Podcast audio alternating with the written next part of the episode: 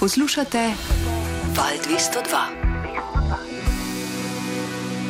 Maja Kalan Pongrac, eh, v spletnem zapisu ste ta teden opisali svojo izkušnjo z nedostopnostjo zdravstvenega sistema pri nas do diagnoze zelo hudega zapleta, ki bi zahteval takojšnjo kirurško obravnavo, so zdravniki potrebovali dober teden. To vse bomo zvedeli v nadaljevanju, ampak da najprej začneva pri koncu. Kakšno diagnozo so vam postavili po dobrem tednu, osmi, deveti dan, potem, ko so se pravzaprav težave začele? Ja, pravzaprav konec in tista ključna beseda je bila, imate razlic slepič, oziroma ste ga imeli, ne? potem so mi ga operirali. Tako da to je tisto ključno bilo. In to je ta diagnoza, če se ne motim, je tako huda, da bi lahko povzročila zelo hude, če ne celo smrtne zaplete pri določenih ljudeh. Ne? Pravzaprav ste bili v smrtni nevarnosti kar nekaj dni. Ja, post festom sem izvedela, da menda je tako bilo. Uh, jaz sicer zelo ne rada posegam na to polje medicine, ker absolutno nimam nobene izkušnje, nisem kredibilna, da o tem govorim. Uh, Ampak mislim, da je slepič vseeno ena tak, taka dost znana stvar in da je tudi lajku jasno, predvsem pa ne sam lajku, vse to so mi v bistvu zdravniki rekli, mogoče ne tako zelo dobesedno, do z izjemo ginekologinje, ki je točno s temi besedami rekla, pa se vi bi lahko umrl, tako zelo direktno. Um, da ja, tako. Če greva od začetka, ne? kako se je vse skupaj začelo? Ja, pravzaprav je bilo tako, da sem bila še tisti vikend zadnji pred to kalvarijo v top formi, če lahko tako rečem. Bili smo pač slučajno sodelavci na Triglavu. Nekako dva dni potem, se pravi s ponedeljkom, se je pa začelo eno slabo počutje, bolel me je trebuh, nedefinirano v zgornjem delu, malo tudi v spodnjem delu. Um, in te težave so se samo stopnjevale, praktično do večera me je res že zelo, zelo, zelo bolel to, da sem se po noč zbujala in ukrepala sem tako rekoč takoj. Zjutraj, se pravi, drugi dan po pojavu težave, sem o pol sedmih začela klicati svojo osebno zdravnico. Koliko krat ste jo klicali, da ste jo dobili? Ja, to sem šla res potem gledati v nekak dnevnik klicev. Res sem jo klicala 16krat, ampak jaz bi vsem pri tem poudarila, pa o tem bomo verjetno še kasneje govorili. To, kar govorijo, da je na primarnem nivoju zdravstva velika težava, sploh v hranju, ja, pri nas je tako že kar nekaj časa. Meni se to, da sem klicala 16krat, v tistem trenutku niti ni zdelo tako nenavadno, moram reči. Potem je pa vse skupaj dodatno zapletel COVID. Danes vsi, ki kličejo v zdravstvene domove na primarno zdravstvo s podobnimi težavami, nekako ki posnemajo simptome, morebitne okužbe s COVID-om, morajo iti skozi podobno sito. Torej najprej je treba opraviti ta COVID test in tukaj se je pa pri vas ta časovnica bistveno podaljšala, ne? da ste sploh dobili kakršnokoli drugo obravnavo na primarnem zdravstvu. Ja, drži. Se pravi, jaz sem ob prvi možni priliki ukrepala, če je bil to torek ob eh, pol sedmih zjutraj. Tudi zdravnico v bistvu dobila, dobila te um, prva navodila, se pravi, greste v laboratorij, v COVID laboratorij. Zakaj v COVID laboratorij? Zato, ker sem imela vročino, ker sem omenila vročino in to je bil eden od znakov potencijalne okužbe s COVID-om. Laboratorij sem sicer dobila še isti dan ob pol deseti uri, medtem ko ta COVID bris, ki je nekakšen predpogoj, vstopnica praktično zdaj za zdravstveni dom, sem pa dobila v četrtek, kar pomeni praktično na četrti dan svojih težav, ob pol osmih zvečer. Tudi zdravnica je bila presenečena, ker je rekla, joj, a je to možno, ko je iskala termin, ne prvi možen termin, kamor me lahko naroči. Ampak ja, četrti dan, v četrtek ob pol osmih zvečer, je bila prva možnost, da meni naredijo bris. Vsi vemo, da je um, nekako rok za rezultate tega brisa 24 ur. Jaz slučajno tudi vem, da za temi testi stoji ena, v bistvu, da smo majhna ekipa ljudi za celo Slovenijo, ki mislim, da že kar ene pol leta dela na robu svojih zmogljivosti. Tako da tudi to, da je v 24 urah, je menda kar velik uspeh. In če se števamo te dneve, a ne, ne glede na to, da sem jaz v torek zjutraj klicala, pa takoj reagirala, pa da je zdravnica mi dala prvi možen termin za COVID bris, je po vseh teh izračunih rezultat bil v petek popovdne, ok, slučajno sledi vikend in prva možnost, sploh da pridem do zdravnika, je bila potem v ponedeljek, kar jaz če skupaj seštejemo pač praktično en teden, odkar sem ga preklicala. In to se mi ne zdi najboljša. Ne. Zagotovo je neuralgična točka ta težka dostopnost eh, primarnega zdravstva, primarne obravnave pri zdravniku, ampak pri vas so se na to težave stopnjevale. Ne? Niste čakali samo na to, da bi torej prišli do te obravnave, ampak ste vmes zaradi hudih težav za zdravjem že poiskali pomoč na urgenci. Kako pa se je potem zadeva razpletla tam? Ja, nažalost, ali kako bi rekla, nisem dočakala tistega COVID testa, da bi šlo po neki normalni poti, ker me je že tisti večer po, se pravi, telefonski obravnavi pri svoji osebni zdravnici. Um, začel ta trebuh tako močno boleti, da sem se srednjo čas zbudila in nekako približno dve uri poskušala to prebroditi, mislila, mogoče bo boljš, vzela neke um, zdravila. Eh, proti bolečinam, ki niso absolutno nič pomagale, in ta bolečina se je sam še stopnjevala do, do neozdržnosti. Potem je mož poklical na se pravi, splošno nujno medicinsko pomoč v Kranju, kjer so nam eh, pač povedali, da naj se vsekakor oglasim. Uh, tja sva prišla, tam sem bila obravnavana praktično takoj. Tudi to je morda na ključe, ampak zanimiv moment, ker tudi v Kranju na urgenci bom rekla, kar čakaš. Ne čakaš tako, kot v UKC-ju, ampak čakaš pa sigurno uro, dve v nekih normalnih razmerah. Jaz sem bila na vrsti takoj, niti nisem opazila, da bi kdo drug tam bil. Tako da sem bila obravnavana nemudoma, seveda spet obravnavana kot uh, COVID potencijalni pacijent zaradi vročine, predvidevam. Tako da je ta izkušnja bila nekoliko hecna. Jaz vem, da je to začasna rešitev, da, da je težko stvari drugače zapeljati, ampak to je en tak modr kontejner. Uh, um, da si res v neki drugi državi, no se ti za trenutek zdi, ker je bilo hladno, sem res je bila situacija, vse me je bolel.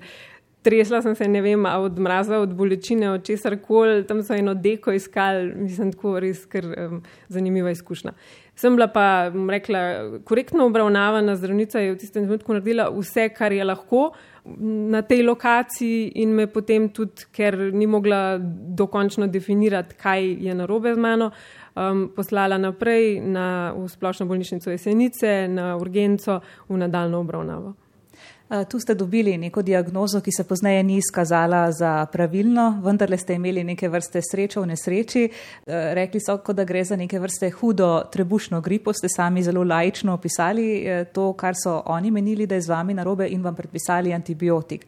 Na nek način, še vedno moramo poslušalcem povedati, ne, ste hodili po svetu z razlitim slepičem.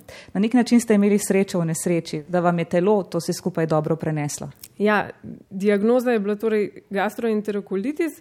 Um, jaz to razumem kot neko trebušno gripo, trebušno težavo, uh, ki naj bi bila virusnega izvora. Sem pa ob tem dobila še antibiotik, za katerega se je pozneje izkazal po pripovedovanju zdravnikov, s katerimi sem govorila v, v bolnišnici, da so ti antibiot, antibiotik nekako pripomogli. Rekla, zavret to situacijo v črevesju, da je tudi telo nekako pomagalo izolirati to unetje. Res ne bi rada posegala na to področje, ker nisem absolutno noben strokovnjak, ampak da je bila to kot neka, kaj pa vem, sreča v nesreči. Po svoje je to pomagalo preprečati najhujše. Eh, hkrati je pa zakril klinično sliko. Povedan po domače, mene v naslednjih dneh trebuh niti približno ni tako bolel. Ni bil ok, sem čutila neke težave, ampak sem si mislila, da ja, okay, imam trebušno gripo, seveda trebuh ni v redu, kar iz danes na jutro. Mhm. Dnevi so medtem tekli, eh, v tem času ste vendarle prišli na vrsto za COVID test, potem je, kot ste rekli, približno po 24 urah oziroma še prej so vam sporočili rezultate, da ste negativni in to vam je na nek način dalo vstopnico, da ste lahko vstopili v primarno zdravstvo. Tako k osebnemu zdravniku, kot podozneje tudi ginekologu, osebni zdravnik vas je potem vendarle napotil eh, na ultrazvok, k čemur ste pravzaprav potiho vse čas pozivali že prej, že od samega začetka in ta ultrazvočna obravnava um, je potem odstrla pravo sliko, pravi problem. Tukaj pa se odstre potem naslednja neuralgična točka. Ne? Poleg primarnega zdravstva težav z dostopom do tega, razpoložljivost ultrazvokov oziroma ultrazvočne obravnave na Gorenskem. Kakšna je ta vaša izkušnja? Ja, tako je. Se pravi, v ponedeljek, ko sem s to famozno vstopnico prišla do osebnega zdravnika, sva se takoj praktično domenile za ultrazvok podnujno, kot se temu reče. Po spletu srečnih okoliščin sem še tisti dan prišla do tega uh, famoznega ultrazvoka. In seveda do diagnoze najverjetneje imate razlit slepič. To, da je ultrazvok tak problem, po vsem, kar sem potem še izvedela, izkusila in, in ugotovila, in po pogovorih tako z konc koncev splošno bolnišnico Jesenice, odkudar so me poklicali, um, in tudi zdravstvenega doma Kran, da je radiologija na Gorenskem v takem stanju. Če sem se zavedala, da je COVID na primarnem nivoju bila ena od kritičnih točk, v mojem primeru, se tega, da je ta ultrazvok taka kritična točka, nisem zavedala. In mogoče bi tukaj prav pozvala, odgovorne, kogarkoli, ki lahko na tem področju nekaj naredi. Oprostite, mi živimo v vem, eni najbolj razvitih regij v Sloveniji, se pravi um, severozahod Gorenska, in da praktično nimamo nekega resnega dostopa do take, po mojem lajčnem mnenju, razmeroma preproste diagnostike, kot je ultrazvok trebuha, se mi zdi leta 2020 popolnoma nedopustno. Tako da ta, na ta ultrazvok oziroma radiologijo, ker same naprave menda niso problem, problem je v kadru, ki ga je v Sloveniji dovolj, kot sem razumela, um, ampak je nekako centraliziran druge. Na to bi res, res upozorila, da ne ostanemo pri debati samo COVID-a na primarnem nivoju, ampak na to izjemno šibko točko. Ker ne na zadnje je s tem povezana varnost ljudi, nevarna obravnava bolnikov, kar v velikem delu Slovenije. Ja, in na mojem primeru se je raven to pokazala. Ne? Čeprav razumem, vsi ti zdravniki, ki so bili vključeni in ki so reagirali tako ali pa drugače, eh, so, kot bi v novinarskem žargonu rekli, mal žrtve sistema.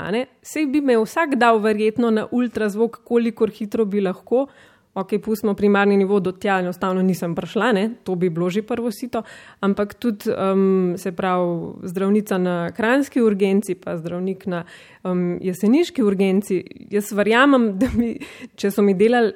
EKG, če so mi delali rentgen, pljuč, krvno preiskavo, pretipali, pač vse, kar je v tistem trenutku možno, jaz verjamem, da bi naredili tudi ultrazvok, če bi tam bil.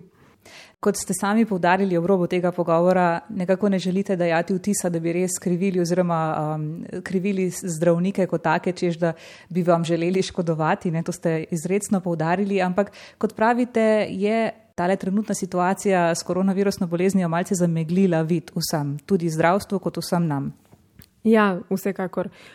Zdi se mi, da v vsakem primeru ne, je ta moj eh, primer bil zelo zelo schematičen. Tako, če pogledamo tiste simptome, ja, lahko rečemo, ja, ampak vi ste imeli simptome COVID-a, ne tako, kot so mi rekla, se pravi, ta, tam na brisu, ki so mi ga jemali v Kranju, um, tako, kot mi je rekla tudi direktorica zdravstvenega doma Kranj, ampak vi ste imeli simptome COVID-a, nekaj, kaj pa če bi ga res imeli, pa bi vas noter spustili.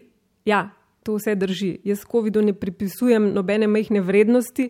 Um, to, kar se dogaja v medijih, omalovaževanje, pa neke te debate, maske, ja, maske ne. Jaz mislim, da je COVID pač zelo pomemben, resna situacija in je treba z vso skrbnostjo obravnavati, ampak z enako skrbnostjo pa tudi slepič. mislim. Tako preprosto je to. Jaz mislim, da v moji situaciji me je mogoče predvsej bolj ogrožal, kot pa bi me COVID. In tukaj pa gre za eno odločitev, nažalost, na koncu posameznika, kako ti skozi to gledaš. A, a, a gledaš skozi prizmo, kaj če ima COVID, kaj če ima COVID, kaj če ima COVID, ali z enako resnostjo in, in um, dvomom rečeš, kaj pa če ima slepič, to se mi zdi pomembno. In tukaj pa lahko vsak posameznik, vsak zdravnik, po mojem, to naredi. Ne smemo biti. Zakrčeni, boječi in, in vse čas imeti to v mislih, Je pa to težko, zato ker smo že šest mesecev obstreljevani s to temo, z celega sveta, in, in sem prepričana, da, da nam ukrade fokus, nam, pa zdravnikom, pa direktorjem zdravstvenih domov, pa še komu. In temu re na zadnje je namenjen vaš zapis. Ne? Če čisto poenostaviva in poveva res bistvo, zakaj ste to napisali, kar ste objavili, kaj je cilj tega? V prvi vrsti ne zato, da se išče nekega krivca, nekega posameznika, kdo je zdaj na robe naredil, kdo je dal napačno diagnozo.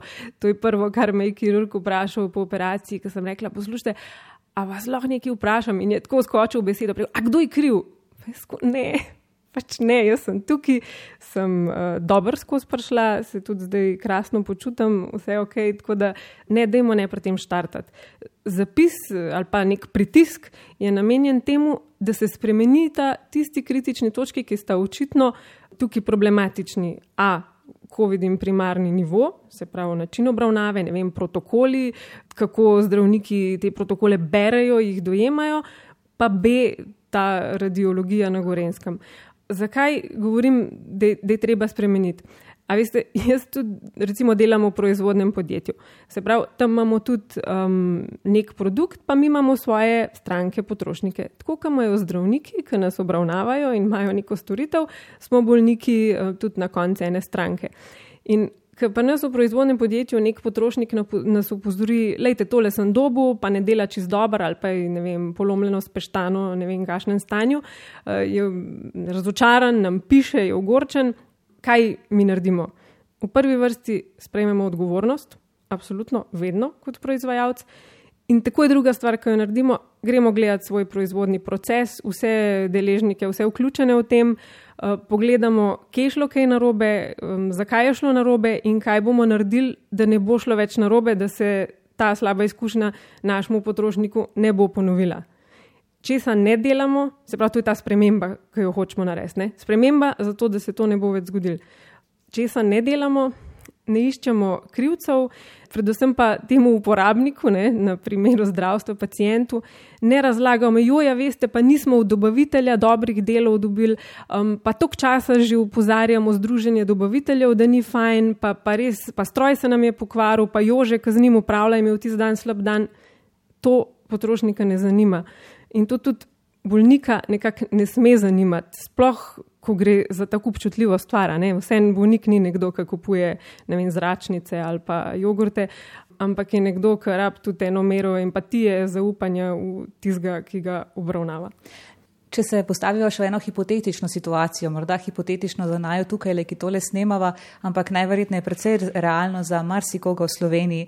Recimo, če na tem vašem mestu ne bi bili vi, ki ste se najverjetneje dovolj takole skrbno zauzeli zase za svoje zdravje, bili, bili na nek način ustrajni, klicali po svojih najboljših močeh in vedenju in se zauzeli zase, če bi bil na vašem mestu nekdo drug, ki bi bil morda v geografsko bolj deprivilegiranem položaju, v kakšni drugi regiji, ki je v drugačnem socialnem položaju. Ne na zadnje, nekdo, ki obiskuje uh, Fajdigovo ambulanto, ki jo prav tako omenjate in ki je, ki je torej namenjena tistim osebam, ki nimajo zdravstvenega zavarovanja in ki trenutno ne deluje, ampak v njej izvajo eh, testiranja za COVID. Kakšna bi bila njegova situacija zdaj, recimo, če bi bil v tej vaši vlogi? Mogoče bi v prvi vrsti rekla, da sem bila še premalo ustrajna ali pa sploh nisem bila iz tega zapisa. Je sicer videti, da sem naredila vse korake, da sem poklicala, ampak eh, recimo moj mož v tej situaciji bil še veliko bolj, se mi zdi, nekako radikalen, me je spodbujal, da je to, naredi to, reči tisto. Naprimer, ne vem, se bi lahko šla vmes še enkrat na urgenco, to je bil njegov predlog, ampak meni se je enostavno zdelo, ja, če se ni nič drugače, kot zadnjič, trebuh me bistveno manj voli, se bo rekel, da sem čist nora, pa hočeš, sploh tja se si v redu, vse imaš tablete, to je to, vse je logično. Tako da jaz mislim, da bi nekako menem mogla biti celo bolj ustrajna ali pa saj bolj bolj glasno to izraziti. Jaz se pač res ne kregam po telefonu, jaz zelo mirno to upravljam, zato ker tudi pričakujem, da je na drugi strani nekdo, ki čist popolnoma mu je jasno in razume, zakaj jaz kličem, da imam problem, da ne kličem zato, ker mi pa še biti doma, še manj, da me neki boli. Jaz sem pač najrajš polno operativna, bom rekla. Uh, Kar se pa tiče, se pravi, če bi bila kje druge, ja, tudi to sem se vmes spomnila. Jaz sem si rekla, po vsej tej kalvariji, pismo, jaz sem 25 km stran od Ljubljane, v centru Slovenije, v domnevno res razviti regiji, vse je bilo nekako dostopno na dosegu roke, pa vendar očitno ne, ne, se je izkazalo na primeru te radiologije, še zmer sem presenečena, šokirana, da ne rečem. Uh, Kaj bi bilo s temi ljudmi, ne vem, si ne predstavljam. Se, zato sem tudi zapisala, ko sem sedela v tistem COVID laboratoriju hranskem, ki je v normalnih razmerah ambulanta za ljudi brez zdravstvenega zavarovanja. Sem tako pomislila, kje pa so oni zdaj. Ne upam si sploh predstavljati. Res tu, ta COVID, recimo te izredne, no, izredne, te posebne razmere, res kažejo, da če si na robu družbe, pač v takem trenutku padeš samo še čez rob. Kaj bi vi svetovali ljudem oziroma bolnikom v tem obdobju? Ne, vrste pred zdravstvenimi domovi so dolge, ljudje pogosto čakajo v vrstah za klic, imajo podobne izkušnje kot vi. Glede na vašo izkušnjo, kaj svetujete ljudem? Ja, svetujem, naj bodo ustrajni. Jaz um, bom verjetno od te izkušnje naprej bolj ustrajna, kot sem. Hkrati naj bodo uvidevni in potrpežljivi do zdravnikov in osebja.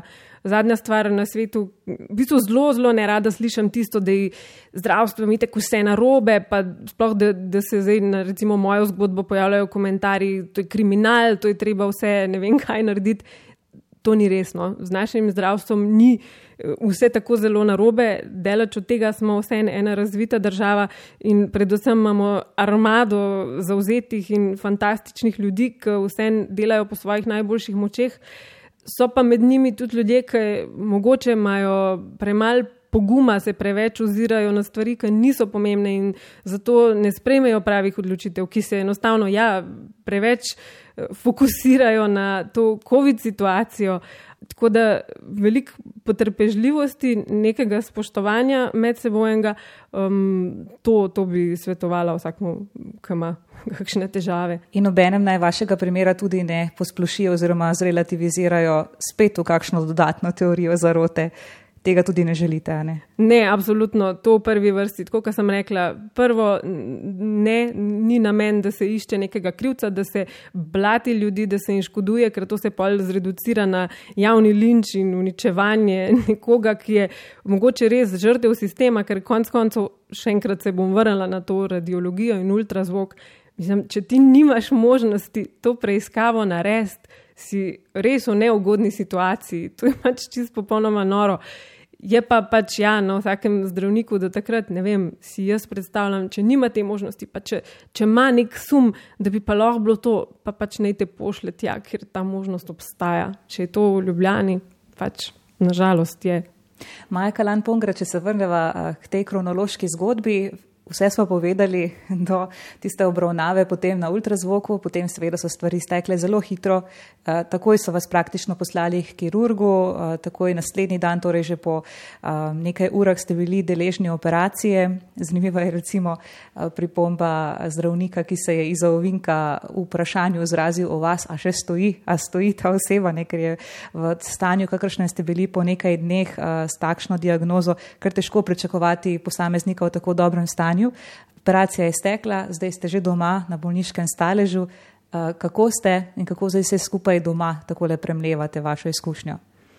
Ja, moram reči, da sem zdaj pravzaprav eh, fantastično, najbrž zato, ker sem res vesela, da se je tako dobro iztekel, kot se je. Tudi že nekako deloma pri močeh, mislim, joj, močeh, to je kar močen izraz. Um, nisem najbolj pri močeh, predvsej sem skušala in tako to, kar pride zraven. Tako da bo pač imel svoje neke kratkoročne, jaz upam, posledice, da se nazaj v normalno formo um, spravim in vsekako ni prijetno. Glede premljevanja, pa tako, jaz mislim, da sem to že kar premlela. Jaz sem res v tistem trenutku ko sem po operaciji ležala v bolnišnici, um, ogromno razmišljala o tem in tako, ko sem zapisala, imela sem to zgodbo napisano v glavi na 80% že zelo, zelo kmal. Um, in nekako sem operila vse moči v tem času, da sem jih napisala, ker se mi je zdelo tako strahovito pomembno, da na to upozorim in da se ravno zaradi tega kaj premakne, kaj več razglabljala o tem, ne bom, ne bom naprej sem pa nekako na voljo, če lahko svojo, da vem, izkušnjo ali čimrkoli pomagam, da se te dve kritični točki, ki smo jih tokrat omenili, pa bi jih še enkrat obravnava na primarnem nivoju v luči COVID razmer, pa radiologija na Gorenskem. Eh, če lahko tukaj karkoli premaknem, bom zelo vesela in res upam, da je to kdo slišal. No? Po vašem zapisu se je usulo veliko um, seveda odzivov na spletu, zelo odmeven zapis je to bil v zadnjih dneh, tudi medijskih odzivov. Mediji so povprašali za odziv um, seveda pristojne v državi. Če nekako strnem njihove vtise, vsi po vrsti so zatrjevali, da se takšne eh, napake in takšen, takšno sosledje dogodkov ne bi smelo zgoditi, da ne bi smeli imeti takšnih žrtev sistema. Kako odgovarjate na njihove komentarje, zdaj to, kar je bilo trenutno v javnosti podanega? Ja, um, všeč mi je, da so se tisti, ki se morajo odzvali, opazili, obregnili. Nisem si mislila, da bo tako odmevno, sem si pa mislila, da bo odmevno. To je bil konec koncev cilj, mislim, ok, cilj ni, ni dosežen, pa smo pa na pravi poti. Bi pa mogoče to rekla, ne? ja, odzivi so bili kar pravšni. Mogoče mi tale tudi ostal nekako v spominu Bojana Bejovič, mislim, da je rekla, da se kaj takega ne bi smel zgoditi in da zato obstajajo ne, tudi ustrezni pritožbeni postopki in tako. Jaz bi res prosila, vem, da to ni v njeni domeni, je pa v domeni polja, v katerem deluje, da ima urediti uh, primarno zdravstvo, pa v, v, v luči COVID-a, pa da ima zrihtati ta, to radiologijo na Gorenskem, ne pejmo v pritožbeni postopek. Čemu je ta pritožbeni postopek eh, namenjen? To, da, da jaz neko svojo zgodbo tam pelem, da, da menem zgubim veliko časa in energije, ki ga nočem, um, za svoje neko kao zadoščenje, ki to sploh ne bo, moje zadoščenje je, da sem jaz zdaj tukaj in da sem razmeroma zdrava. To bi bil moj oseben case. In če s tem zgubljamo čas, tudi jaz, zdravniki, neke institucije, varuhi pacijentovih pravic, kaj pa jaz vem, kaj še vse obstaja, um, je za me to zgubljen čas. Dajmo ga nameniti temu, da pač rešimo kritične točke. Poslušate Val 202.